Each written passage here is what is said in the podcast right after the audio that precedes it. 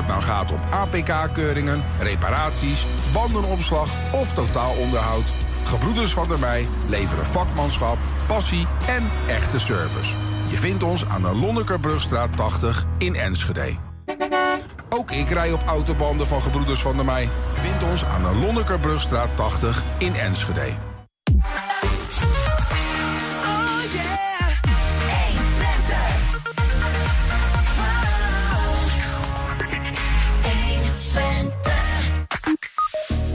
We hebben deze week al volop aandacht besteed aan de ellende in eh, Turkije en Syrië en de mooie hulpacties die hier op gang zijn gekomen. Vandaag kijken we terug en vooruit met Enis Odazi uit Hengelo.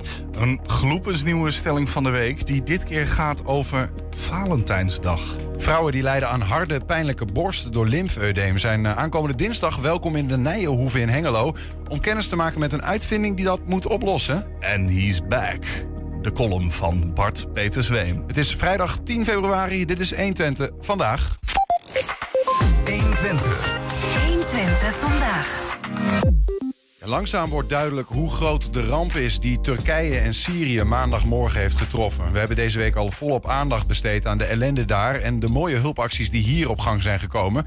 Vandaag kijken we terug en vooruit met Enis Odaci uit Hengelo, die eh, zelfs zijn roots heeft liggen in Antakya, de zwaar getroffen stad in de provincie Hatay. Enis, welkom. Dankjewel. Hoe gaat het? Na omstandigheden gaat het goed. Ja. De eerste klap hebben we al verwerkt. Dus nu kunnen we wat, uh, wat je zegt, terugblikken. En kijken wat het effect is van alle acties die zijn gedaan. En ook uh, na vier dagen is natuurlijk ook in Turkije de situatie beter te overzien. Mm. was dag en nacht verschil met de eerste momenten van uh, de aankondiging van de aardbeving. Ja. Het was, ik weet nog goed, het, werd, het was vier uur, vier uur in de ochtend dat, dat het gebeurde. En ik heb internet uitstaan op mijn telefoon, s'nachts. Maar wel de telefoon aanstaan.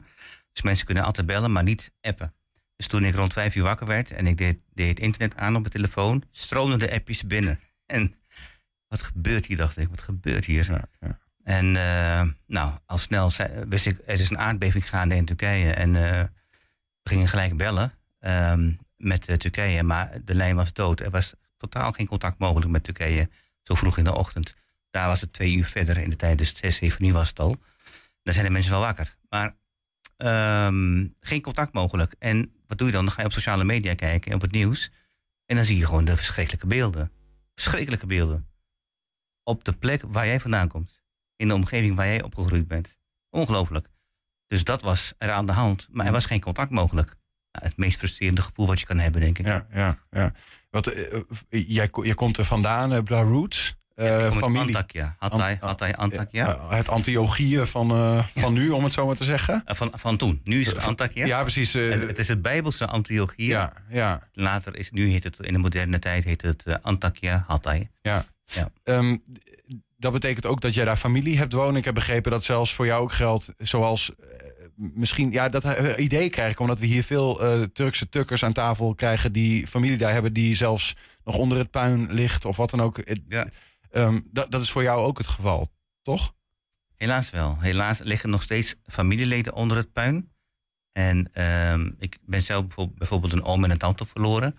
En um, wat, wat daar vaak gebeurt is van mensen bouwen een appartement om als generaties bij elkaar te wonen. Dus de, de oudste mensen die uh, kregen dan uh, de benedenetage. En dan heb je de aangetrouwde mensen, dus de schoonzonen en de schoondochters. Die kregen een etage erboven. En die kregen weer kinderen. En zo uh, gaat letterlijk een gebouw hoger en hoger worden gebouwd. Waarbij soms wel drie tot vier generaties in één gebouw wonen. Mm. Bij mijn oom is dat appartement ingestort. Alle mensen, alle generaties in één keer dood. Bij mijn tante, hetzelfde verhaal helaas. Dus, uh, en uh, bij mijn schoonfamilie heb ik ook verhalen gehoord van mensen die nog steeds onder het puin liggen. Uh, een fractie daarvan is gered, maar een groter deel is, ligt nog onder het puin. Dus ik kwam net in Hengelo, kwam ik bij een, een vriend vandaan. Die, en hem vroeg ik van de natuurlijke vraag inmiddels van hoeveel mensen heb jij verloren? Het is inmiddels een normale vraag oh, geworden. Ja. ja. Van, het niet klinkt, of je mensen hebt verloren, nee, ja, maar hoeveel nee, zijn of, het? klinkt heel bizar, maar de vraag was gelijk van hoeveel. En hij kwam met het schokkende aantal van 23. 23 familieleden heeft hij verloren. Ja, ja. En daarvan zei hij van, het is nog niet eens een kwart van de mensen die we missen. Dus uh, waarschijnlijk wordt het nog veel erger. En zo hebben de meeste families in deze regio hebben wel eh, verschrikkelijke verhalen te vertellen over grote verliezen. Ja. Ja, het is, het, is, on- eh, het is niet te bevatten, hè, dit soort aantallen Ja. en ook wat dat uiteindelijk gaat doen. Ehm, of, ja, want je zit hier al re- redelijk eh, al beschouwend hè, nu, eh, Ja. zo voelt het althans. Ja. Heb je daar een idee bij, wat, wat gaat dit doen in, in die regio? Zijn, is die regio lam? ja, het is, ik, ik weet niet eens wat ik precies wil vragen, maar als, je, als er zoveel ehm, familieleden in zo'n regio in één keer weg zijn, dan is het een soort van nationale eh, eh, trauma wat daar gaat, eh, gaat komen. Het is een generationeel trauma. Precies. Het is een trauma, dat is een terecht woord. En het zal een generatie gaan tekenen. Ja. En ehm, je weet het gebied, hè. Kijk, als wij spreken over aardbevingen in Groningen... dan in onze psyche lokaliseren we dat naar een bepaalde dorp, stad... en zeggen van, dat is daar ongeveer. Zet er een, een Google-pinnetje op en dan denken we... ja, dat is de aardbevingsgebied, het aardbevingsgebied. Maar in Turkije gaat het om twee keer het gebied van heel Nederland zo groot, 23 miljoen mensen. Dus stel je voor dat en Amsterdam en Rotterdam en Utrecht en Maastricht en Leeuwarden, en allemaal, en allemaal twee, Antwerpen en dan een be- beetje van Duitsland, allemaal tegelijkertijd plat ligt. Ja, ja. En dat is de omvang van de schade. Zo groot is het. Je hebt eh, eh, onze video eh, toegestuurd van het, het moment waarop dit gebeurde. En, en het is ook wel een bijzonder beeld om het te zien vanuit binnen in een huis eigenlijk. En wa- wat gaat, misschien kunnen we hem laten zien en kun je vertellen wat we, wat we zien en van wie, die, van wie die video komt. Wat is het? Geluid bij? Ja, Laten we eerst luisteren.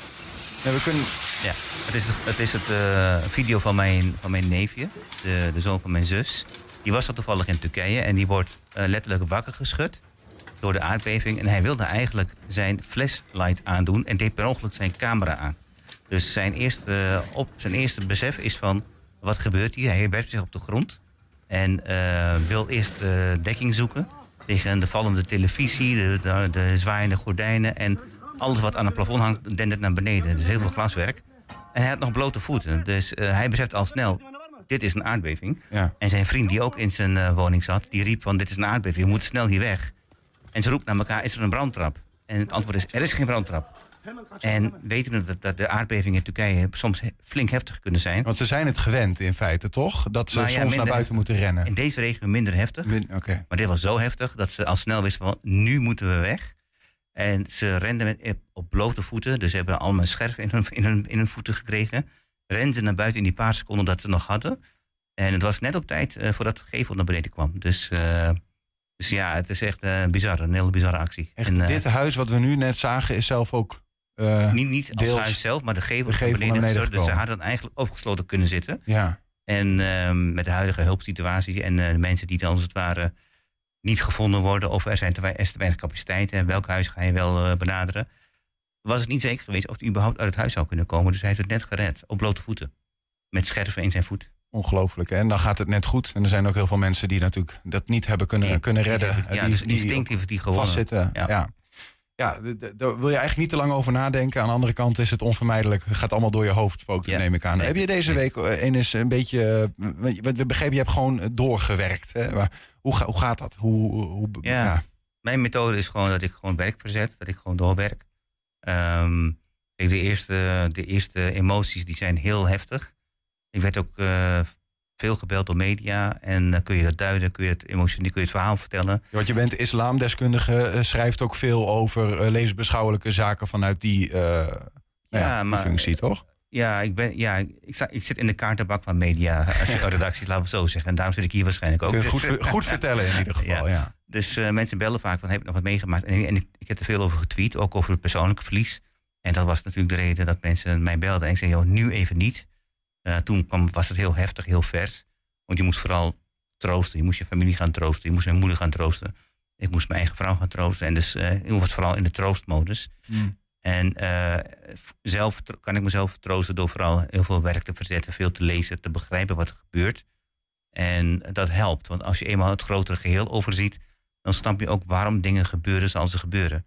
Kijk, je kunt stilstaan bij het feit dat niet alle huizen worden gevonden of worden eh, geholpen. Mm. Maar als je het gebied zo groot ziet, hè, van twee keer Nederland, en je ziet hoe, hoe weinig capaciteit er is, dan snap je ook dat de overheid keuzes moet maken.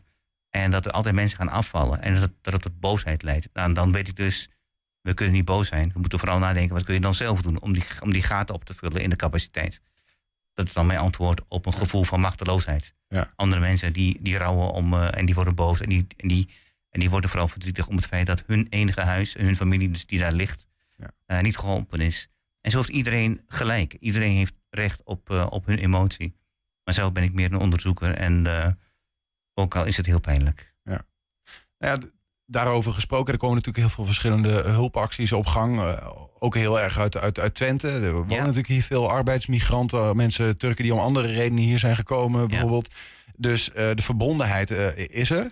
Ehm, en misschien ook gewoon even een stukje van een video die we ook onlangs in, eh, in Hengelo hebben opgenomen. Ehm, bij de, de- ik geloof dat ook bij, bij de, moet ik even goed zeggen, bij de Alevitische gemeenschap in Hengelo was dit. aardbeving. En eh, wat- je kan nog niet bevatten hoe groot eh, het leed is en de schade. Eh, wij willen graag eigenlijk eh, in onze gebied eh, hebben wij niet echt heel veel hulp. Wij ho- die mensen horen naar stemmen onder, de, puin, onder de puin, maar niemand kan helpen. Ja. Dus eh, wij hebben gehoord heel goed dat 65 eh, personen vanuit Nederland naar eh, onze gebied gaan. Ja. Wij zijn blij mee, maar ook niet genoeg. Wij willen graag genoeg, ook nee, hier nee. ongeveer 30 mensen hebben ze aangemeld bij ons. Mhm. Ze willen graag naar onze gebied gaan, even helpen. mensen zijn nu praktisch op straat. Hè, dus hun huizen zijn verwoest. Eh, er is gebrek aan deken, kleding, medicijnen. Ehm, wat is nog meer Pampers. nodig? Pampers, hygiëne, maar- slaapzakken. slaapzakken. ja, een voorbeeld van die vele eh, hulpacties, maar ook misschien een beetje het geluid wat jij net zei. Hè, van, eh, van ja, we, we hebben meer hulp nodig, maar de capaciteit, zeg jij van misschien is wel gewoon, dit is zo'n groot probleem dat er overal meer hulp nodig is. Ja, dat is wel leuk. Dit, dit is mijn stichting in Hengelo. Dus Ja. hier, hier ben ik ook lid van. Dus dat is, eh, en ik ken deze mensen ook persoonlijk. En ehm, dit, is, dit is een Alevitische gemeenschap. Ehm, en in, in Twente heb je een grote Alevitische gemeenschap. En deze hele regio, die getroffen is ten zuiden van Turkije, bestaat ook voor een groot deel uit Alevitische eh, Turken. En natuurlijk is het zo dat eh, niet iedereen geholpen kan worden. Maar we zitten vlak voor de Turkse verkiezingen. En dat speelt momenteel. En in Turkije heb je twee grote politieke partijen. Je hebt de AKP-partij van Erdogan. Een heel, een heel lang zit het een premier inmiddels. En president. En we hebben de, de CHP van Kılıçdaroğlu. Dat, is een, dat zijn de twee machtsblokken in Turkije. CHP, eh, daar stemmen heel veel Alevieten op. Oké. En ehm, de, de, de reguliere Turken, als het ware, stemmen op Erdogan. Mhm. Het is even een heel zwart-wit beeld. En de Alevieten in Turkije zijn ook heel erg boos op Erdogan, omdat het verdacht is. Het is echt verdacht dat het pas drie dagen na de ramp op gang begint te komen, de hulp. En dat andere steden, wat verderop gelegen, waar wat minder Alevieten wonen, dat die wel worden geholpen. Meer Erdogan-gezinde steden. Meer Erdogan-gezinde steden. Ja. En dat speelt, dat speelt wel degelijk. Dus dit is goed, alleen het is een reactie op ontbrekende hulp. Ja. En de bovenliggende vraag is, en het overkoepelende probleem is van hoe kan het in hemelsnaam zo zijn dat er geen scenario, geen rampscenario. Plan bestaat. Ja, omdat die- mensen zeggen, dit hadden we al vanaf de eh, aardbeving bij Istanbul in 1999. 99 in mijn hoofd, ja. Ehm, en daarvoor ook 20 jaar. Dus om ja. de 20 jaar gebeurt het. Dit hadden we moeten zien aankomen. En dit is ook aangekondigd. Al van, het- Het gaat een, een deze dagen weer gebeuren. In Nederland, als een overstroming plaatsvindt, dan weet ik zeker dat er allerlei draaiboeken zijn. eh, hulpinstanties, internationale hulp. Alles komt op gang. Mhm. En het zal in mijn beleving niet vier dagen duren voordat eh, een stad waar dan ook in Nederland geholpen wordt. Maar in Turkije is het dus mogelijk dat je drie dagen lang mensen onder het beton laat liggen. ehm, voordat, voordat er eh, als het ware hulp op gang komt. Ja. En dat is heel kwalijk. Dus ja, het is te groot het gebied, maar er is ook wel, wel degelijk een vraag, een evaluatievraag gericht aan, het, eh, aan de Turkse regering, de Turkse overheid. In die lijn begreep ik ook dat, dat je zegt van als je nou spullen gaat brengen, zorg dan dat je de juiste papieren bij je hebt, zodat je de, de, de regio goed inkomt. Begreep ik dat nou goed? Ja, er is momenteel sprake van een noodtoestand. Ja. En dat betekent dat het niet meer open gebied is. Je moet alleen met de juiste papieren, eh, mag je daar aan eh, kloppen. En dan bepalen de functionarissen daar Mhm. of je wordt toegelaten of niet. En Ja. daar heb je spe- speciale toestemming voor nodig. Ehm, er is, ik heb al verhalen gehoord van een eerste lichting vrachtwagens eh, die geweigerd is. Omdat de juiste papieren die hadden, die gewoon hier vertrokken vanuit Duitsland en Nederland en België. En die vertrokken gewoon naar, naar Turkije. En die werden daar uh, tegengehouden. En wat gebeurt er dan? Want dan moeten ze weer rechtsomkeerd maken met al die De goederen worden als het ware eh, eruit gehaald. En die worden elders verspreid. Uh, maar ze komen niet aan op de, op de plaats van bestemming. Niet in Hatay bijvoorbeeld? Niet in Hatay bijvoorbeeld. En uh, nu hebben ze hun lesje geleerd, de mensen hier. En nu zijn ze van tevoren bezig om wel die papieren goed te regelen. Maar dan zit je dus in een bureaucratische procedure. En dan duurt het wat langer. Ja, is, maar is dan het vermoeden dat de. En dit wordt een beetje speculatief hoor, dat begrijp ik wel. Maar dat, dat um, dat het niet hebben van de papieren wordt gebruikt om te zeggen van nou ja, ga maar naar een meer Erdogan gezind, gezinde stad bijvoorbeeld? Ja, het is inderdaad speculatief. Alleen uh, je hebt gewoon goede papieren nodig. En papieren en toegang tot een hulpgebied is letterlijk, um, letterlijk je mengen in overheidsbeleid, in overheidsbemoeienis uh, momenteel. Ja. Want de overheid zet nu wel degelijk uh, alle materialen en mensen en middelen in. Mm -hmm. um, jij komt daar als vrachtwagen bij. Um, wat is jouw rol? Dus mensen moeten daar iets van vinden. Ja. Uh, stel dat bijvoorbeeld de overheid ergens een kamp opzet of voedselvoorzieningen uh, organiseert. Dan kom je met een vrachtwagen met, uh, met blikvoedsel, als het ware. Terwijl daar net voedsel is geregeld. Ja. ja, dus daar moet iets van gevonden worden. En ik denk dat het vooral daarover gaat, dan, dan dat er politieke voorkeuren worden uitgespeeld. Ja. Maar het is wel degelijk een onderstroom in de berichtgeving in Turkije. Als je kijkt naar de Turkse kanalen, de Turkse berichtgeving, dan heb je duidelijk de pro-Erdogan kanalen en de anti-Erdogan kanalen. En die berichten op hun politieke manier over de situatie. De een zegt van dit is allemaal de schuld van Erdogan. En de ander zegt van wat goed dat het nu, dat het nu zo goed op gang komt. Dus ja, wie heeft de waarheid? Ja. De waarheid is er niet. Uh, het is in ieder geval uh, feitelijk te constateren. En dat vind ik dus heel jammer dat er onnodig doden zijn gevallen. Omdat het te laat, te laat op gang is ja. gekomen. Um, ik, ik, wil nog iets anders aan je, aan je vragen. Nou, je, bent natuurlijk, je bent islamdeskundige. Vandaag is het het vrijdaggebed, de eerste na, uh, na, na, maandag, zeg maar. Mm -hmm. wat, wat gebeurt er? Wat, is die, wat voor een plek heeft die vrijdaggebed en wat gebeurt er in die moskeeën waar nu uh, de mensen samenkomen? Uh, ik weet dat in Nederland alles, wordt, alles in het teken staat van de ramp in Turkije. Dus de moskeeën, de, de, Turks, de, de moskeeën die aan Turkije gelieerd zijn, die ontvangen vanuit Turkije een, een gebeds um, tekst die wordt uitgesproken in alle Turks-Nederlandse moskeeën. Hm. Dus dat is een standaard tekst, die komt uit Turkije en dat gaat dan over, over de ramp in Turkije. Dus dat is een moment van stilstaan uh, bij, de, bij de overleden slachtoffers. Ik denk dat er heel veel geld wordt ingezameld bij de moskeeën. En dat er ook um, individuele acties, als het ware, met hulpgoederen, ook via de moskeeën worden gecoördineerd. Ja. En uiteindelijk is het ook, denk ik, ook de bedoeling van dat volgende week een Giro 5x5 actie op gang komt. En dat zal in mijn beleving de dominante stroming gaan zijn. De, dominante, de dominante hulpactie. Omdat, uh, wat ik zeg, het komt nu op gang. En als zijn individuele acties uh, niet meer zo urgent dan dat het een week geleden was. Ja. En wat is er uh, nodig, even vanuit, uh, vanuit hier gezien, zeg maar? Hè? Want we, horen uh, bijvoorbeeld ook jullie, volgens mij jullie eigen actie. Op een gegeven moment is die stopgezet omdat eigenlijk niet meer genoeg vrachtwagens waren om die kant op te trekken. Later is dat volgens mij nog wel weer gebeurd. Maar is het nu, is het inzamelen van spullen, is dat nog steeds goed? Of is, is het vooral geld? Of zeg je van ja, weet je, alles helpt? Maar ja, ja ik denk dat iedereen voor zichzelf moet besluiten wat handig is. Alleen gisteren zijn er vijf vrachtwagens vertrokken uit Hengelo ja. naar, naar Turkije. Ja. En uh, er, is, er zijn nog steeds spullen over. Dus het is te veel. Het is gewoon heel veel. Ja. En, um, het komt op zich ook hard, uh, ja, hartverwarmend, hè, denk ik. Ja, het komt nu op gang. Alleen um, wat ik ook heb uh, uitgezocht is van, kijk, in Turkije, niet heel Turkije is getroffen. En Turkije is, is niet, niet een arm land. Het, is, uh, het kent arme regio's, maar mm. voedselvoorzieningen, um, dat is in Turkije goed geregeld. Dus er zijn grote fabrieken, grote fabrieken, die als het ware doneren, die gewoon grote, grote voedselpakketten doneren. Um, beddengoed, dat is allemaal al voorzien. Dus dat komt nu ook op gang. Um, uh, de, de bekendere namen, de popsterren. Iedereen begint nu ook zich te uh, heeft zich al lang uh, gemeld. En dus alles wat aan basisvoorzieningen nodig is, wordt al vanuit Turkije gedoneerd en georganiseerd. En dat mag nu ook op gang komen. En dat komt nu ook op gang. Ja. Dus vergeleken met die acties zijn de individuele acties vanuit Nederland zijn in mijn beleving een druppel op, op een hele ja. mooie plaat. Ja, een grote plaat. Dus nu gaat het vooral over het bereiken van jouw eigen regio. En dat kan, dat kan het beste in mijn beleving via persoonlijke geldinzamelingsacties. Je hebt GoFundMe-acties, je hebt persoonlijke donatieacties. Uh, families verzamelen eigen budget en nemen dat letterlijk mee, vliegen naar Turkije en uh, zeggen van nou ik heb een budget, dat komt uit de gemeenschap hier, En dat komt heel lokaal in een bepaalde Dat, wijk dat is een goede beweging, zeg jij. Van, eh, je hebt dat hele, hele massale met Giro 5 en 5. Maar het is ook goed dat mensen echt in de haarvaten. eh, Ja, eh, want nu daar geld zijn de grootste om- problemen natuurlijk. Ja. Want uh, 455 gaan over, over de algemene partners. In Turkije ook de algemene voorzieningen. Maar in die haarvaten in de wijken waar het heel moeilijk te komen is... daar zitten vaak ook natuurlijk linkjes met Nederland. En daar komt niet alles terecht. En, of later terecht. En daar kun je het verschil maken. Ik zou zeggen, richt je vooral op die haarvaten, op die, op die wijken... die getroffen zijn en moeilijk bereikbaar zijn.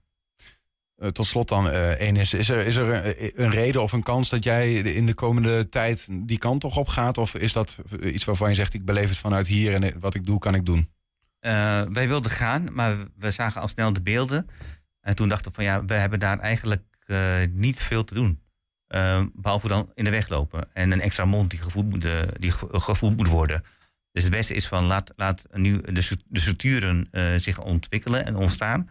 En uh, het klinkt natuurlijk heel gek dat als we daar naartoe gaan en we kunnen niet helpen, maar we eten wel een bord mee Mm. en we gaan slapen in een hotel of zo. Dat kan natuurlijk niet. Dus uh, nee, wij gaan niet. Heel wij, dubbel lijkt me dat ook echt. Ja, het is gewoon niet ja. logisch. Dus je moet nu vooral afstand nemen. En wat er gebeurt, hè, wat je net liet zien, dat is goed genoeg. Um, en nu kun je een stap verder gaan door die wijken, de families, je eigen families. en nu komen we ook in de fase van begraven aan. Ja, dus er zijn heel praktisch, er zijn heel, heel veel kosten te maken voor uh, begrafenissen. Ja. ja. in plaats van voedsel, dat komt nu op gang, en, uh, en tenten komt op gang. Hoe zit het met de begrafenissen? En hoe zit het met de kosten die daarmee gemoeid zijn? Dus dat, daar kunnen we nu iets in betekenen. Het waardig begraven van de overledene is typisch iets wat hoort bij een cultuur zoals de islamitische Turkse cultuur, waar mensen echt naar elkaar omkijken. En ik zou zeggen van nou, ik kan daar een veel betere rol in hebben om dat mede te helpen organiseren met een budget. Uh, dan dat ik me daar uh, letterlijk uh, als een toerist ga gedragen en kijken wat er allemaal mis is. Maar er is dus wel kans dat je ook in, het, in, de, in de begrafenishulp... dat je mogelijk nog wel fysiek ook die kant op gaat om te kijken wat je ik kunt ga doen. alleen als, het, als ik niet meer sta in de weg ben. Nee, en dat nee. kan nog wel een tijdje duren. Ja. Dankjewel voor, uh, voor de helderheid hier aan tafel... en voor de, nou ja, enigszins toch al uh, beschouwing... hoewel het, uh, het drama natuurlijk nog steeds heel erg gaande is. Enes ja. Odazi, dankjewel en veel sterkte de komende tijd. Dankjewel. Zometeen de oplossing voor vrouwen met lymfedeemklachten na borstkanker. En word jij getroffen door de peperdure warmte of valt dat allemaal nog wel mee? Eentente wil weten welke gevolgen de enorme stijging van die energiekosten heeft. Laat dan van je horen, dat uh, kan via onze vragenlijst. Kan volledig anoniem, duurt twee minuten, je bent er zo klaar mee. En dan, uh, je kan dat doen op 120.nl slash vragenlijst. 120.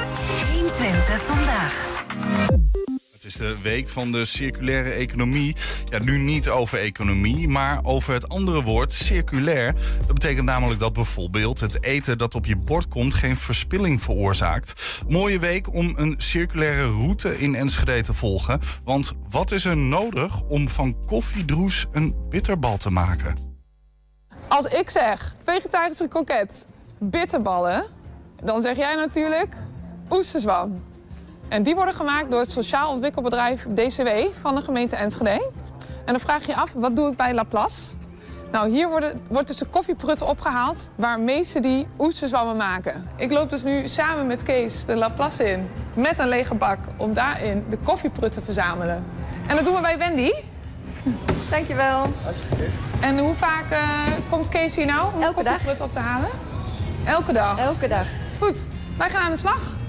Waar gaan we het oesterzwam kweken? Met uh, voorbereiding, inkopen, noem maar op. Zijn we dan in het najaar uh, zijn we begonnen. Toen de containers moesten dan ingericht worden. En vlak voor de kerst uh, begonnen we experimenteren met de eerste koffiedroes. Ja, wij hebben natuurlijk gigagrote tuin waar we dan uh, groenten kweken, fruit. En we dachten, oh, wat kan de opvolging zijn van, van uh, groentetuin? En nu is dan het resultaat prachtige oesterzwammen. De, de koffieprut krijg ik aangeleverd en die ga ik mengen allemaal. Met kalk, uh, broed, dat is broedjes waar de schimmels in zitten, waar de, de oesters van uitgroeien. En uh, dat gooi ik allemaal in één ton. Er komt ook nog kalk bij. En uh, dat mengt zich. En dat ga ik in zakken stoppen. Nou, ik heb deze zak net van Henko gekregen. Mooi, dankjewel. En die moet volgens mij... Die gaat in de container. In de container? In, in onze eerste container.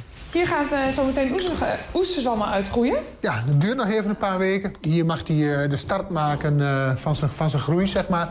Die gaat hier een week of eh, ja, drie, vier, afhankelijk van eh, hoe snel of het gaat, eh, gaat die hier groeien. Ze worden eh, wat witter, zeg maar. Je gaat, wat, eh, je gaat uiteindelijk zien zeg maar, waar de oesterzwammen gaan komen. Dan krijg je wat van die mooie sporen. Tot ze zover zijn dat wij denken van nou, zoals deze is al wel bijna zover. Dan gaan ze naar de andere container waar een iets ander klimaat heerst. Zeg maar, waar het ietsjes warmer is en waar het vocht beter geregeld wordt. En daar gaan, ze echt, eh, ja, daar gaan de echte oesterzwammen groeien. Vanaf het moment dat uh, koffiedroes uh, wordt opgehaald... duurt ongeveer zes weken totdat wij uh, oesterzwammen kunnen oogsten. Hier is het ietsjes warmer. Hier ruikt het wat minder naar koffie. Heb je zelf al eens een oesterzwam gegeten in ieder geval? Zeker, zeker. Als ze zo van, uh, ja, noem het maar, van de zak afkomen, dan, uh, dan vind ik ze wat minder lekker. Maar als je ze verwerkt in, uh, in een gerechtje, zeg maar. Ik heb ze al wel in, in een kroket gehad. En ik heb er ooit eens een keer shawarma van gemaakt. Dus ja, dat kan ik iedereen aanraden. Wat je met vlees doet, kan je ook met oesterzwammen doen. En dus van um, shawarma tot... Uh, groente, wokken, uh, noem maar op. Het is echt uh, gewoon proberen. Hier gaan eigenlijk pas de zwammen groeien, zeg maar. Je ziet ze ook hier en daar wel in verschillende maten al. Nou, hier zitten wat, nog wat kleinere die nog verder moeten groeien, zeg maar. Maar hier zie je ook al echt hele grote uitgegroeide zwammen, zeg maar... die eigenlijk bijna ja, oogstbaar zijn. Dus ja, dat is eigenlijk wat hier gebeurt. Maar voordat ze zover zijn, dan snijden we uh, ja, toch wat. Uh, maken we wat sneetjes in de, in, de, in de zakken, dat ze goed naar buiten kunnen. Het zijn wel geperforeerde zakken, maar die gaatjes die zijn te klein. Nu gaan ze naar de, naar de bakfiets en gaan ze naar de eindgebruiker. En die zal er een, een heerlijk gerecht van gaan maken. ben benieuwd. Wij kunnen op zo'n zak kunnen we twee keer oesterzwammen kweken. En eigenlijk uh, de gedachte daarachter is...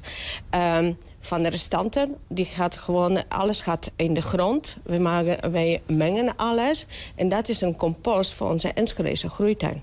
Dus is echt circulair. Ik sta nu bij een van de horeca-ondernemers die de oesterzwammen gaat verwerken. Rocco. Ja. We, we, we, proberen al uh, vaak samen te werken met, met uh, lokale instanties. En uh, ja, deze oesterzwammen die kunnen we natuurlijk hartstikke mooi gebruiken... voor, voor onder andere bitterballen of, of kroketten... die we hier dan weer in, in onze brewpub kunnen serveren.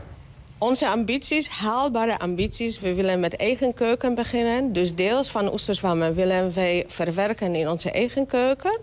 En deels van oesterzwammen willen we ter beschikking stellen aan de burgers... maar ook aan horecaondernemers. Dus dat is dan uh, ons plan voor de toekomst. 120. 120 Harde, pijnlijke borsten door lymfeudeem maken het dragen van gewone BH's een bijzonder onprettige aangelegenheid. Vrouwen die hieronder lijden zijn een aankomende dinsdag 14 februari is dat. Welkom in de Nijenhoeve in Hengelo om kennis te maken met de Bratelle. Dat is een Nederlandse uitvinding. Anneke Geitenbeek die is van de stichting Bratelle kan er alles over vertellen. En ze heeft een uh, tevreden Twentse klant meegenomen. Dat is Patricia Wassink-Wolfs. Dames, goedemiddag. Goedemiddag. Uh, misschien te beginnen even, want uh, niet iedereen zal het goed kennen. Lymfeudeem, wat is dat Anneke? Het is eigenlijk een uh, vochtophoping. Dus na borstkanker, het ja. is vaak bestralingsschade. en of er zijn lymf lymfklieren weggehaald uit de oksel, dat hoor je natuurlijk wel vaak. Um, en dan kan het, het vocht eigenlijk, wat door de lymfe afgevoerd wordt, daar zitten blokkades waardoor het gaat ophopen. Het zit vast in die lymfeklieren ja, of in die vaten? Ja, ja in die lymfevaten. Die ja. zijn beschadigd door de bestraling. Of ze zijn weggehaald, dan heb je ze helemaal niet meer. Mm. Worden wel weer opnieuw aangelegd. Maar er zit gewoon uh, blokkades in... waardoor je vochtophoping krijgt in je borst. Ja, en dat, zit, dat kan overal in de borst zitten? Of, in de borst, maar ook in de oksel. En soms ook zelfs op de rug. Ja. ja. Hoeveel vrouwen hebben daar last van? Zo'n uh, 20 tot 25 procent van alle vrouwen die borstkanker hebben gehad. Of hebben, of hebben gehad. Ja, ja. ja. Dat, dat zijn er best wel wat, toch? Heel veel. Ja, ja. In Nederland zijn zo'n 200.000 vrouwen die borstkanker hebben of hebben gehad. En uh, nou ja, zo'n 20 tot 25 procent van al die vrouwen heeft pijnklachten door ja. oedeem na borstkanker. Of littekenpijn of harde stukken in de borst. Zo'n zo 50.000 zijn dat er, als ik zo even, eens even, even tel. Uh, Patricia, jij bent één van hen. Ja, of we hebben je microfoon staat inmiddels aan, denk ik. Oké. Okay. We gaan heel even kijken of... eh, want het zou jammer zijn als ik je vragen stel en eh, we horen het antwoord niet. Ja, kijk, we horen Ja, je. ja, Nee, mooi. Ik, ik stelde jou de vraag van... je bent een van die 50.000... eh, wel een van die, een van die Ja. vrouwen die, die last heeft van, van lymfedeemklachten. Ja, absoluut. Ja. Ja. Al jaren, eigenlijk al, al na de start van de behandelingen. En eh, daar ook voor behandeld, inderdaad. Maar Wanneer was dat voor jou? Voor mij is het eh, zeven jaar geleden. eh. Zeven jaar geleden. Ja. Dus en eigenlijk vrij snel na het behan- behandeltraject wat ik gehad heb, ehm, is er eigenlijk al wel oedeem ontstaan in de borst, rondom de borst. Mhm. En inderdaad ook aan de zijkant en in de rug eh, bij mij in dit geval, waardoor je echt beperkt wordt in je, in je beweging. Ja. Maar ik neem aan, als je zoiets krijgt, hè, dat, dan, dan ga je weer naar, eh, naar de oncoloog of naar de huisarts of zo van, van wat is dit? Ja, ja. En wat, wat, wat wordt er dan gezegd? Ja, nou, in eerste instantie, dat, dat was voor mij eigenlijk vrij laat.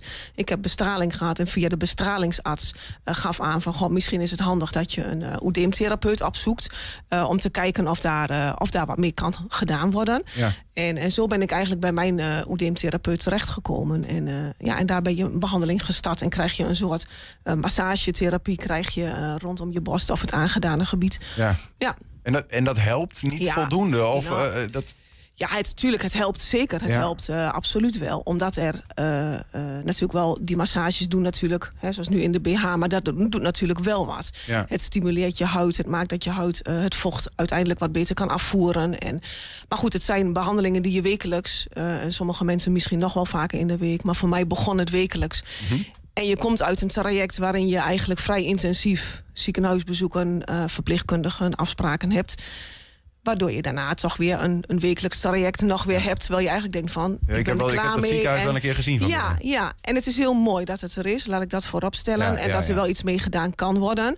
En het is ook zeker wel verbeterd. Alleen, het neemt natuurlijk niet alles weg. Nee, nee, maar het is echt een, een structurele oplossing, Anneke, die voor lymfedeemklachten, eh, die is er nog niet echt. Die is er niet en ook onze BH geneest het niet. Nee. Het is chronisch, het Ja. gaat gewoon nooit meer weg. Ja. Je hebt het voor de rest van je leven.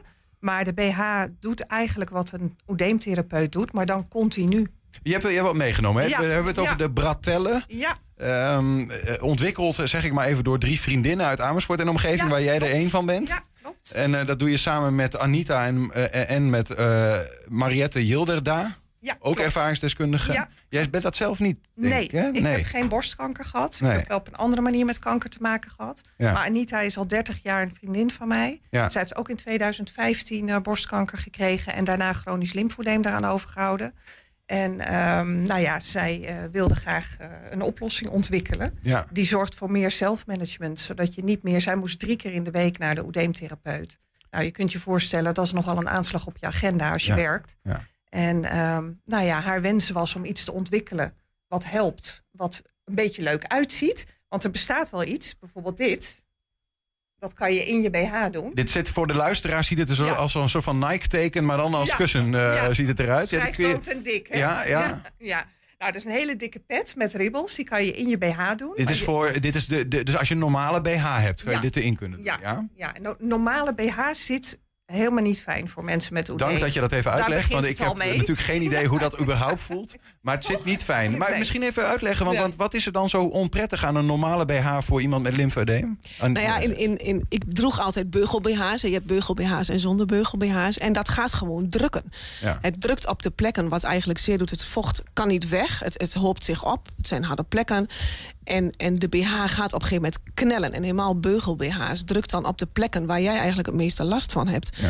Waardoor het eh, gedurende de dag onprettig is om je BH te dragen. En, Ik kan me daar een voorstelling bij maken. nou, hè, als, je, als je iets... Iets eh, zelfs, hè? Ja, Ja, kun je ja, je dat ja, ja. voorstellen? Ja, toch? En als je weinig borst hebt, kan, is, is het al pijnlijk. Maar Ja. als je veel borst hebt, dan, dan is dat Nog zonder BH sowieso niet te doen. En Nee. dan, eh, ja, dan is dat gewoon pijnlijk. Ja. En dan is dus inderdaad, dit, dit was Ja. dan eerder een, een oplossing Ja. om het wat te verlichten. Ja, ja. Anita droeg dit zelf ook. Ja. Maar ze ging er absoluut niet mee naar de werk. Want je ziet het natuurlijk heel goed onder je kleding. Ja. En ja, dat wilde zij niet. Dus ze deed dat niet in. En deed ze het wel als ze thuis was, deed ze het in. Maar ze ging er niet mee lopen. Dus dan ben je, zoals we dat noemen, therapie ontrouw. En blijven je klachten. Ja. Dus haar wens was om iets te ontwikkelen. Wat je gewoon kan dragen als je naar je werk gaat.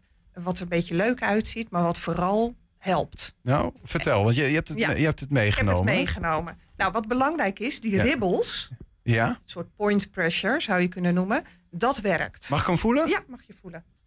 Ja, want dit, ja, dit, oh ja. Ja, Dit is het een soort van, eh, het zijn allemaal een puntjes. soort kapok zit erin. Ja, ja. Het, het- ik voel, eh, het is een soort van een grof piepschuim Ja, eh, binnenin, klopt, maar dan heel klopt. zacht. Ja. Zo, een beetje zo voelt het. Ja. Ja? Maar goed, je kunt je voorstellen, als je dat in je BH doet, dan is de druk, de compressie, is afhankelijk van welke BH jij daar overheen draagt. Mhm. En dat is voor iedereen natuurlijk anders.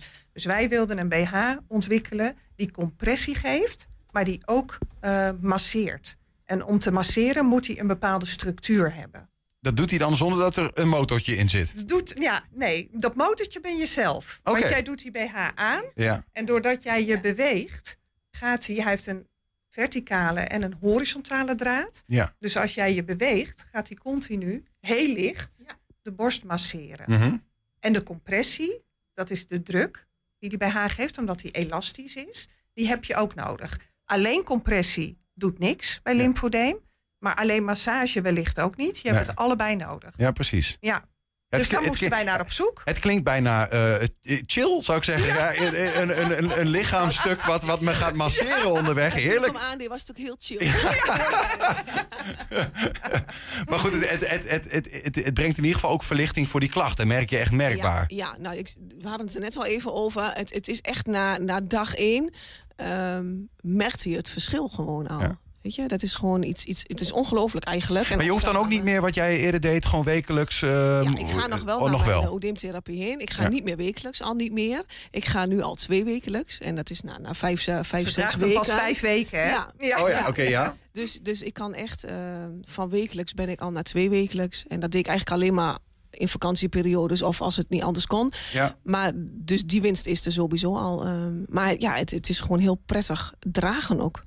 Want hoe, hoe, hoe heb je dit dan, eh, Anneke, ontwikkeld? Zeg maar, want je, je hebt dan een, een testpersoon, dat was Anita dan, denk ik, Ja, of zo? Je ja wil- zij kon het zelf testen. Dat was mooi. Ja, ja. ja. en dan telkens gaan kijken van hoe kan het nog beter? Want je moet dan Nou- neem ik aan ook een soort van wetenschappelijke ondersteuning Ja, daarin hebben. Ja, ja, nou dat was heel mooi.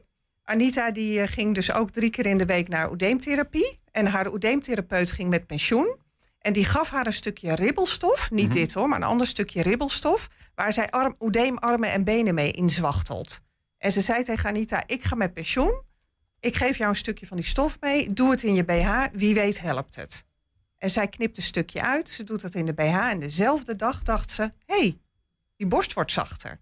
En toen kwam ze een paar weken later bij haar eh, chirurg in het Meander ziekenhuis in Amersfoort. Mhm. En die zei, wat ziet die borst van jou er goed uit? Wat heb je gedaan? Ze zei, nou, dat stukje stof. Toen zei hij, nou, dat mag je echt niet voor jezelf houden. Dat moeten alle vrouwen met lymfoedeem moeten weten dat dit helpt. En toen zei Anita, nou ja, het werkt maar heel lokaal... en het piept steeds uit mijn BH, het valt eruit. Soms Ja. ligt het ineens op de grond als ik Ja. aan het werk ben. Dus het is niet ideaal. Maar ze zei, ik zou graag een BH willen ontwikkelen... met die ribbels en met compressie. En toen zei ze, als jij nou het onderzoek regelt... wetenschappelijk onderzoek, dan ga ik die BH ontwikkelen. Nou, en zo gezegd, zo gedaan. Ja. Dus het is ook nog een soort van echte evidence-based straks dat het wel. Of is dat het nu al? Dat nou, het echt, het is, of is, in maart wordt het afgerond, Ja. het wetenschappelijk onderzoek. Het heeft heel veel vertraging opgelopen vanwege corona. ja. Want toen mocht niemand het ziekenhuis in. Als het goed is, is het in maart van dit jaar is het wetenschappelijk onderzoek afgerond. Maar goed, Patricia, je hebt dat hele onderzoek waarschijnlijk niet nodig. Jij zegt gewoon, voor mij werkt dit eh, heel goed. Ja, ja, absoluut, absoluut. Ja, ja, Nou zeker. ja, ik, dit is ook wel, het is niet alleen maar dat dat, dat, dat onderzoek zeg maar, eh, belangrijk is... omdat het anders mogelijk niet werkt. Maar ook zorgverzekeraars die zullen daar natuurlijk ook eh, Ja. waarschijnlijk iets van willen vinden. Ja. Ja. Is dat, is dat, krijg jij dit vergoed als je nee, dit... nee, eh, het wordt niet vergoed. eh, nee. Nee. Nee. het eerste wat je kunt doen, we hebben een, eh, een, een formulier meegekregen. En, hè, en met ondersteuning van je uh, oedeemtherapeut en misschien wel via de oncoloog in het ziekenhuis. ehm, toch een verzoek indienen bij de, bij de zorgverzekeraar. Om te Ja. kijken of ze toch bereid zijn om, om daar wat in te vergoeden. Ja. Zit er nog verschil in eigenlijk? Want ik, zie- ik, zie nog, eh, ik zie er nog wat meer liggen. Ik heb deze Ja. nu... eh, ja, dit, ja, ik kan het bijna niet beschrijven hoe dit voelt. Je moet het gewoon zien. En dan Ja. eh, kijk even, als je meekijkt op Ja. 120.nl zie je het. Nou, we hebben drie kleuren, dat wilde ik laten zien. Dus we hebben de, de off-white, de zalmkleurige voor onder wit. Ja, dat Hm. zal jou als man misschien niet veel zeggen. Ik kan er ook daar een voorstelling bij maken. zie je dit minder goed dan een witte BH. Ja. En een zwarte. En wat eh, zwart hebben we dus ook eh, voor mensen die borstspanend zijn geopereerd. Maar deze zwarte, toevallig heb ik meegenomen, is voor vrouwen die een losse prothese dragen. Dus dan zit er een vakje. Oh ja. Kijk, dat is een, werkzame een, een stof. nepborst. Ja, werkzame stof moet op de huid. Dus dat zit hij ook. En dan Hm. kun je hiervoor kun je je losse prothese inschuiven. Mhm. Want wat wij niet wisten, want Anita en Mariette zijn allebei borstspanend geopereerd, dat vrouwen na een amputatie ook oedeem hebben. Ja, ja, dan zit er geen borst meer, Nee, maar hebben ze wel toch last. die pijn. Ja, Ja, heb ja. je toch dat vocht en toch die pijn. Ja. En de west, we kregen dus verzoeken van vrouwen die geamputeerd waren... van kunnen jullie een prothesevariant ontwikkelen? En ook voor hen Dus dat werkt hebben het. we ook gedaan. Ja, het werkt voor hen ook heel wat goed. goed. Wat Ja, goed. ja. ja, nou ja, goed. eh, Het is toch een beetje lullig altijd eh, om over kosten te praten. We hebben het net over die zorgverzekeraar. Wat, wat Ja. betaal je nou, Patricia, voor zo'n ding dan? Ik heb eh, 170 euro eh, afgerond betaald. Ja. En is dat het geld waard? Ja. Ja. ja, ja, Ja. dat is wel zo. Ja. Het is wel een afweging die je maakt. En we hadden het er net even over. Als je het eh, online moet aanschaffen, hoe fijn is het dat we hè, zulke pasmomenten hebben, zoals straks 14 februari weer. Dat je het ook daadwerkelijk kunt voelen. Want het is wel een aanschaf eh, qua geld om het zomaar online te bestellen. Zonder dat je weet wat het voor je doet of, en, of hoe het en- voelt. en zonder verzekering wat dat betreft. Nou, hè? ja, dus die pasmomenten zijn heel fijn, maar het is zeer zeker de, de kosten waard. Ja, Ja. ja.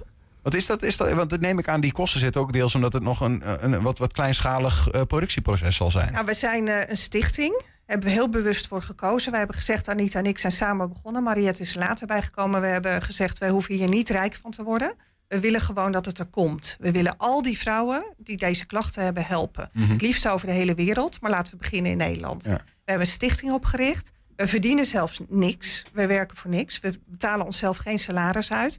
Zouden we dat wel doen, dan zou die misschien wel 400 euro moeten kosten. Ja, ja, precies. Ja. Dus dat doen we niet. Ja. We hopen natuurlijk wel, we zijn commercieel genoeg. We willen uiteindelijk best een gezond bedrijf. Maar vooralsnog verdienen we er niks aan. Nee. Eh, 170 euro is een hoop geld. Mensen zeggen dan tegen mij, het is een hele uitgave. Ja, het enige wat ik kan zeggen, het is ook een hele uitvinding. Ja. Ja. Ja. ja, maar goed, naast het feit dat je daar eh, eh, mogelijk dan eh, dat, het, dat, dat dat wat geld op zou leveren waar je wel van rond kunt komen, zodat je echt Ja. kunt gaan, is het ook gewoon grootschalige productie voor. Er zijn wereldwijd nog veel meer Ja, ja. honderdduizenden miljoenen vrouwen die dit probleem hebben natuurlijk.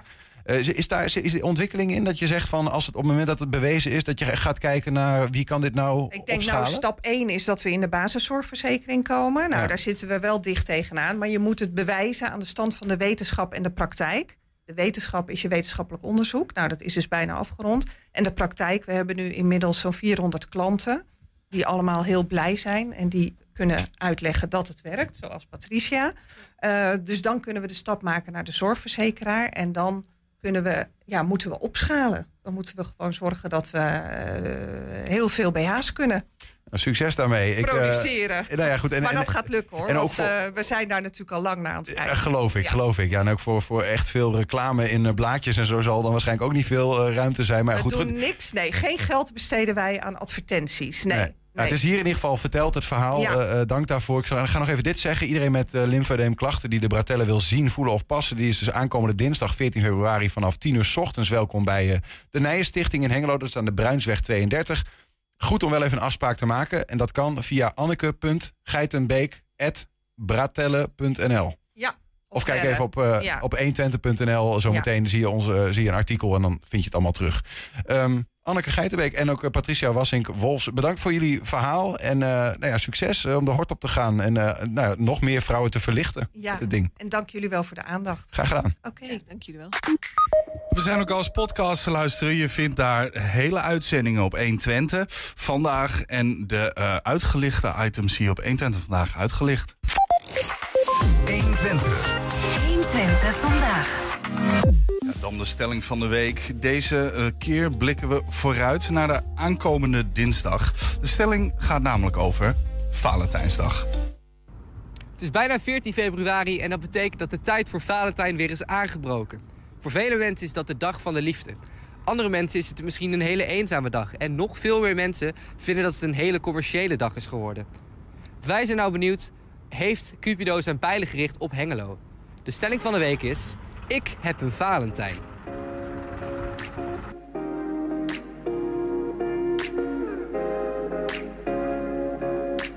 De stelling van de week is, ik heb een Valentijn.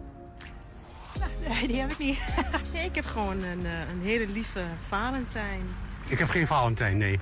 Waarom ik niet? doe niet aan Amer- Amerikaanse toestanden. Waarom niet, meneer? Ik vind het helemaal niet leuk, joh. Ja. Ja. Ja, alle drie. Drie op een rij. Vertel jongens. Eh, die van mij die woont een beetje ver weg. Die woont een beetje ergens in Engeland. Dus In dat- Engeland? In Engeland. Hoe doe je dat dan op Valentijnsdag? Eh videobellen. Nee man, sorry. Waarom niet? Ja, goh man, hoeft niet. Die heb ik niet, Valentijn. Waarom niet? Waarom niet? Tegenwoordig die meiden heb je weinig aan. Ja, eh, ik ben er niet zo erg naar op zoek. En ik denk de meiden dan ook niet. Ewa, hoeft niet man. Fuck dat broer. Altijd man, man die maken broer. Dus je, je wil meer money maken in plaats van Valentijn? Ja broer, tuurlijk. Waarom? Gewoon man. Wat gaat u doen met Valentijnsdag? Nou, ik neem hem mee naar, ehm, naar de Schouwburg in Hengelo. Want daar eh, naar een voorstelling. Ik denk lekker uit eten. Oh, wat leuk. Ja. Dat is mijn Valentijn. Echt waar? Oh, wat leuk. Wat gaan jullie doen op Valentijnsdag? Verbouwen. ik heb niks gepland eigenlijk. Gaat u nog wat plannen of denkt u van nee, het hoeft allemaal ook niet? Nee, voor mij hoeft het eigenlijk ook niet. Vind je het commercieel zo'n Valentijnsdag? Commercieel. Ja, tuurlijk. Er is altijd wel iets commercieels aan. Ja, ja, dat zeker. Ja. Ja, in commercieel gebeuren eigenlijk. Tenminste, dat vind ik. Je zou hopen dat iedereen ehm, Valentijn op, ja, op zijn eigen manier kan invullen, zeg maar. En dat daar niet een commercieel feestje voor is natuurlijk. Ik zou het fijn vinden als ze meer zien als eh, eh, een dag van vriendschap dan een dag van liefde of zo. Is dat jammer als je zo'n dag viert en eh, als je allemaal mensen om je heen ziet die wel dan een relatie hebben en dat je dat niet hebt? Eh, nee. Nee. Dat is niet zo erg? Nee. Ik zie wel als wat op mijn pad komt of ja... Ik heb niet echt een openingszin. Nee. Ah, wat ik wel iets voor jou vind is lekker trink, trink, lekker ding. Wat zeg je? Trink, trink, lekker ding.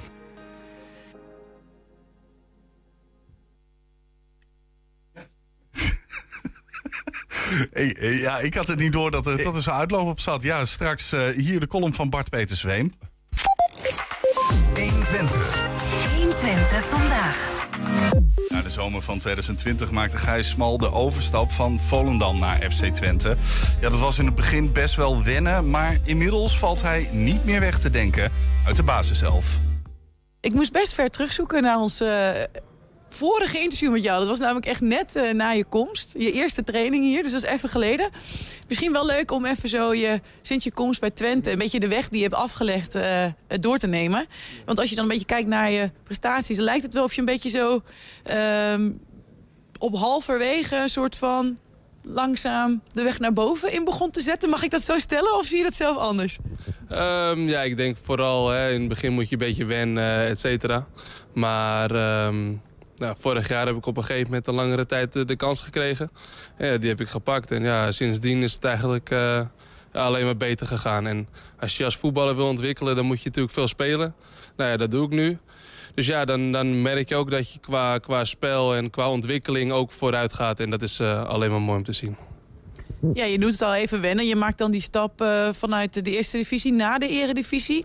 Is dat van tevoren ook als speler eh, goed iets bij voor te stellen? Van hoe groot zo'n stap gaat zijn en, en hoe pakt dat dan in werkelijkheid uit? Ja, kijk, dat weet je natuurlijk nooit zeker. En eh, het was ook voor het eerst dat je op jezelf gaat wonen en in een andere omgeving. En, dus daar moest ik ook wel een beetje aan wennen. Maar ehm, ja, kijk, vertrouwen doet veel met een speler. En als je veel vertrouwen hebt, dan, dan speel je beter, zit je lekkerder in je vel. En nou ja, er is ook een periode geweest dat het wat minder was. Maar ehm, nee, ja, ik, ik voel me nu eh, lekker op mijn plek hier. oh, En eh, ja, ik, ik geniet lekker ik geloof er altijd in dat hard werken loont. En dat heb ik toen ook altijd tegen mezelf gezegd. En ja, weet je, als je, ook als je niet speelt, kan je ook jezelf nog steeds ontwikkelen en beter maken. En daar, daar heb ik toen gewoon de focus op gelegd. Ehm, en ja, mentaal leer je er ook mee omgaan. Dat is ook wel eh, een belangrijk aspect. Ehm, als je dan kijkt naar de Gijsmal die je binnen kan stappen en hoe je hier eh, nu staat. Waarin vind je vooral dat je gegroeid bent? Ik denk dat ik een stuk volwassener ben. Ehm, vooral tactisch nog wat sterker ben. Eh, ja, verdedigend heb ik stappen gemaakt. Maar bijna op alle aspecten heb ik, wel, heb ik mezelf wel verbeterd. En dat is denk ik ook belangrijk. Ehm, ja, ik vind het altijd moeilijk om zelf te zeggen natuurlijk van dit en dit eh, daar heb ik me het meest in verbeterd. Maar ehm, ik denk dat ik nu gewoon stabiel speel en eh, met af en toe een piek omhoog en, en ja, weinig pieken naar beneden. Maar die zitten er ook altijd wel eens tussen. Maar ja, weet je, kritisch blijf ik altijd. Ja, dat- ik haalde het net al even aan. In een interview met, volgens mij, Tubantia, eh gaf je dat ook aan. Dat jij ja, heel streng daarin misschien wel bent voor jezelf. Eh, alleen voor jezelf of ook voor je omgeving? Voor je teamgenoten bijvoorbeeld? Ja, ook wel eens. En ja, hè, niet eh, iedereen vindt dat altijd leuk. Maar ja, dat, dat hoort er ook wel eens bij. En dat mogen ze ook naar mij toe zijn. Want ja, weet je, als je, als je kritisch op elkaar bent, dan... Ja, ik, ik geloof erin dat je dan misschien wel het beste naar elkaar, eh, uit elkaar haalt. En ehm, zo ook als team groeit. En ja, dat is altijd wel belangrijk in een teamsport. In hoeverre was dat na dit weekend nodig? Ja, we hebben elkaar er wel op, op gewezen. En, en dat eh, sommige dingen echt beter moeten. Ehm, en dat we tegen de relatief, nou ja, gezegd, kleintjes te veel punten hebben laten liggen eh, op dit moment. Ja, dat, dat is heel erg spijtig. En, en daar balen we ontzettend van. En eh, nu is het wel tijd om daarvan te leren, op te staan. En, en met borst vooruit weer naar de, naar de volgende wedstrijd te gaan. Ehm, maar ook voor de rest van het seizoen, het moet wel, die, die knop moet wel echt om. Je contract loopt bijna af, met er nog wel een optie. Maar in hoeverre lopen er eigenlijk gesprekken voor een eventuele verlenging? Ehm, ja, er is wel een gesprek met mij en, eh, en Jan geweest. En mijn zakenwaarnemer is ook bij, eh, bij Jan geweest. Ehm, ja, hoe het er nu naar uitziet, gaan ze de optie lichten. En verder eh, ja, weet ik het eigenlijk nog niet zo goed. Het is natuurlijk ook nog even onbekend wat er in de toekomst van Jan Strooijer gaat gebeuren. Ehm, maar de optie inderdaad, die ligt er sowieso. Die kunnen ze ook lichten. Maar vanuit jezelf geredeneerd. Mocht er een voorstel komen voor een, een contractverlenging. Hoe sta je daar tegenover? Ja, dat, ook daarin eh, heb je veel verschillende aspecten wat nog eh, onduidelijk is. Zoals, eh, nou ja, blijft Jan Strooijer? Wat gaan ze doen met Paul van der Kraan? Wat gaan ze doen met de hoofdtrainer? Dus er zijn nog heel veel onduidelijkheden wat dat betreft. Ehm, dus ja, daar, daar, ja, daar focus, ik, focus ik me ook nog niet echt op, moet ik zeggen. Eh, ik hoop gewoon dit seizoen goed af te maken. En eh, ja, als ze de optie lichten, dan lichten ze die. Ja, eh, dus ja, ik, ik vind het heel lastig. Het is natuurlijk wel, als jij niet bijtekent en die optie wordt gelicht... de kans dat ze dan gaan, willen, gaan proberen je te verkopen. Want dan eh, kunnen ze wat aan je verdienen. Ehm, want dan is dus een andere vraag. Of sta je ook al wel open voor een volgende stap? Andere club? Ja, ook, ook dat vind ik altijd lastig. Weet je, je kan wel zeggen van ja, ik, ik wil nu eh, wil ik per se een stap maken. Maar je weet niet of er een club gaat komen. Je weet niet wat voor clubben gaan komen. Eh, je weet niet wat hun eh, idee erachter is. Weet je, dus ja... Ja, ik vind het heel lastig om te zeggen. In ieder geval heb ik het naar mijn zin hier bij Twente. En ehm, ja, ik wil gewoon nog een half jaar knallen. Want er is nog heel veel te halen. En ik vind ook dat we dat als groep moeten, moeten aanvoelen. En ehm, ja, we zullen zien hoe dit, dit half jaar gaat verlopen. Laatst over dit onderwerp, want anders wordt het echt een beetje... want begint op gezeur te lijken. En nou, misschien niet zo concreet dan, maar in het algemeen. Heb je eh, bepaalde ambities voor jezelf toekomst? Die zul je zeker hebben. Maar waar, wat, wat zou je nog heel graag willen in je carrière? En dan heb ik het niet per se over een bepaalde termijn. Eh, ja, wat zou ik nog heel graag willen in mijn carrière? Ja, er, zijn heel veel dromen die ik nog, eh, nog heb in mijn hoofd. En ja, eh, of dat allemaal uit gaat komen, dat weet je natuurlijk niet. Ehm, maar ja, ik, ik, zou, ik, zou graag nog een keer naar het buitenland willen. Of ja, gewoon, gewoon altijd spelen om prijzen, weet je, zulke dingen. Ook prijzen, prijzen pakken. Dat, dat is dan ook wel leuk, hè? Maar eh, ja, zulke dingen, daar, daar droom ik nog van. En maar daarom, dat zou ook dit half jaar al kunnen. 120. 120 vandaag. Even kijken, hij zit nog rechtop. Ja, hij, hij wankelt een beetje, hè? Ja. Hij heeft het lastig. Ik had van tevoren al Hij bedacht, moet ik dit überhaupt wel gaan zeggen? Je hebt het gezegd. Eh, Ik heb wij het maken er misbruik van. Ik had al een is een borrel beetje gehad. rode blos op de wangen. Ja, Ja. ja. ik heb al een borrel gehad. Het Om de scherpe randjes eh, eraf te werken. Eh, zou je ook kunnen zeggen. Nou, maar er is een regel. Want ik, ik, ik heb ook wel eens wat theatervoorstellingen gedaan. Ik had een regisseur die zei altijd... je mag niet drinken voor een repetitie. Je mag niet drinken. Nou, voor een voorstelling heb ik ook nooit, ga je nooit toch gedaan. doen. Nee, maar er waren... Ik had dus wel eh, eh, andere spelers. En die deden het wel. Om de, misschien om de scherpe randjes eraan te, ha- af Ik, te ik, halen. heb, maar- ik heb, om heel eerlijk te zijn, ik heb ooit in een... ik, ik ga niet zeggen welke vereniging of wat, wat ik toen deed... maar er was een speler, medespeler. Die, wij hadden een repetitie, die was om tien uur, half elf, 's ochtends. Ochtend- oh, 's ochtends. En, Je hebt het eh, over theater nu. Dat was zo, in het theater. was, in, eh, in het theater. En daar werd eh, daar een, een, een, een, zo'n flacon eh, en dat werd eh, uit. En ik, dus ik zeg, wat zit daarin? Rode wijn. Eh, nog mee. Ja, nee, het viel nog mee. Bram Vermeulen zou er trots op zijn. ja. Dat deed Gabriel Guzman en zo, dat toch ook altijd? Huh? Dat was... Heeft hij- een lijntje koken ergens? Ja, ik weet het niet. Ja, maar dit moeten we helemaal niet doen, want hij kan zich niet verdedigen. hier. Nee, dat is, ook zo. nee, dat is heel flauw. Dat is Ja. heel flauw. Nee, dit is. Eh, nou, maar ik vind het ergens wel. Het stomme is, het- het- je hebt het inderdaad over drugs, maar dat is dan het beeld wat ontstaat. Dat Als je grote artiesten hebt. Dat is een beetje rock dat, en roll allemaal, eh, hè? ja, maar dat is, het hangt er een beetje vanaf. Wat heel slecht is natuurlijk, want de, de, de boodschap moet zijn: drugs slecht niet doen. Maar laten we eerlijk zijn, ik denk dat het merendeel van ons die denkt bij cocaïne, denken ze aan rijke mensen. Ja, goldband.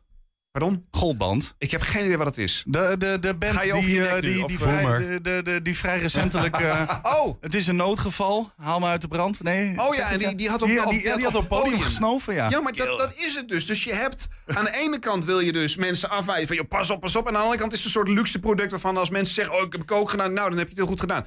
Maar bij deze, laten we dat even duidelijk stellen... mensen, doe dat nou niet. Het is slecht voor je. Ja, laten we het bij alcohol houden, dat is ook slecht. Maar dat, dat vinden we normaal, dus dat kan dan wel. Al dus Bart Peterswee met een klein, alvast een klein borreltje op. eh, maar dat eh, mag de pret eh, de- zeker niet drukken. Misschien maakt het wel beter. We gaan luisteren Ik naar hoop het niet. de column van de dag. Beste luisteraar, daar ben ik weer als columnist die het over het nieuws mag gaan hebben. Lekker dan, want vrolijk word ik er niet van. Wat dat betreft heb ik wel een borrel nodig voordat ik dit eerst ga voorlezen. Want wat gebeurt er allemaal zoal? Oorlog Oekraïne intensiveert. Aardbevingen in Turkije en Syrië. Stakingen in Nederland. En FC Twente verliest een bekerwedstrijd. Allemaal slecht nieuws. Maar ik wil graag goed nieuws. Ik wil geen slecht nieuws. Ik wil lichtpuntjes. Waar haal ik nog goed nieuws vandaan? Ik ben gaan googlen naar goed nieuws uit Nederland. En dan kom ik eerst op een site van Hart van Nederland, vooruit dan maar. En dan staat daar een bericht over een stel dat een jackpot wint bij het casino. En dan denk ik, ja, is dat goed nieuws? Iemand wint bij gokken. Ja, natuurlijk, dat is het idee van gokken. Soms win je, alleen verliezen er veel meer mensen dan dat er winnen. Iemand wint ten koste van anderen. Dat is toch geen nieuws? Geen goed nieuws. Ik zoek dus verder. Op een andere website met goed nieuws staat een recept van de week voor tiramisu met aardbeien. Blijkbaar is dat nieuws. Ik kan niet wachten op volgende week. Ik vermoed een bananasplit met komkommer. Hier heb ik toch helemaal niks aan. Ik wil goed nieuws. Er ontstaat op dat moment een bijna filosofische vraag in mijn hoofd. Wat is eigenlijk goed nieuws? Is goed nieuws enkel de afwezigheid van slecht nieuws? Zo luisterde ik laatst een podcast met allemaal goed nieuws. En daar vertelden ze dat in het afgelopen jaar meerdere tropische ziektes in de wereld volledig zijn uitgeroeid. Of anders, de kindersterfte is nog nooit zo laag geweest. Of dicht bij huis, volgens de cijfers en volgens Nederlanders zelf zijn er veel minder criminele dingen in Nederland. Criminele activiteiten, hè, gewoon minder criminaliteit. En dat zijn voorbeelden van goed nieuws. Maar eigenlijk is dat vooral een afwezigheid van slecht nieuws. Mens wordt niet ziek. Kind gaat niet dood. Man gebruikt geen geweld. Dat is op zich geen nieuws. Dat vinden wij normaal. Wat eigenlijk best wel een fijne constatering is. Wij vinden goede en fijne dingen vaak normaal. Ik moet denken aan wat mijn moeder vaak zegt. Geen nieuws is goed nieuws. Maar er is tegenwoordig altijd nieuws. De hele tijd kijk ik naar vervelend, akelig nieuws en nare feiten. Afgelopen maandag op de NOS. Moeder en zeven kinderen omgekomen bij woningbrand in Frankrijk. Ja, dat is heel erg en heel erg naar. Maar waarom moet ik dat eigenlijk weten? Moet ik bewust worden van de gevaren? Zet er dan op zijn minst een extra bericht bij. Deze maatregelen kun je nemen om zo'n tragedie te voorkomen. Met als eerste tip: neem geen zeven kinderen. Mijn punt is: ik worstel met wat ik moet met slecht nieuws. Want op een gegeven moment dan stomt het gewoon af. Dan is het enige wat ik nog wil: romantische comedies kijken op Netflix met een bak chips. Slecht nieuws is slecht voor mijn geestelijke gezondheid. Ik denk dat we waarschuwingen nodig hebben op het nieuws. Eerst een pop-up. Interessant, maar lees met mate. Of misschien eerst foto's met depressieve mensen. Of van mensen in therapie. Of misschien moet het verplicht afgewisseld worden met meer luchtige dingen. Met links naar een nieuwe romcom. En natuurlijk met een recept van de week. Crème brûlée met wortel of zo. Dat is eens wat nieuws. Mark Peterswee met eh, de column van de dag. En ja, voor de haters heb ik goed nieuws. Want tot zover 120 vandaag. Terugkijken dat kan meteen via 120.nl. Vanavond om 8 en 10 op televisie te zien. We gaan weekend houden. Zometeen hier op deze zender. DJ non-stop. Ga daar eens naar luisteren. Fantastisch doet die jongen het. Veel plezier. Of meisje. Of non-binair, weet ik veel. Tot maandag. 120. Weet wat er speelt in Twente. Met nu het nieuws van 5 uur. Goedemiddag, ik ben Michiel Frazenstorm.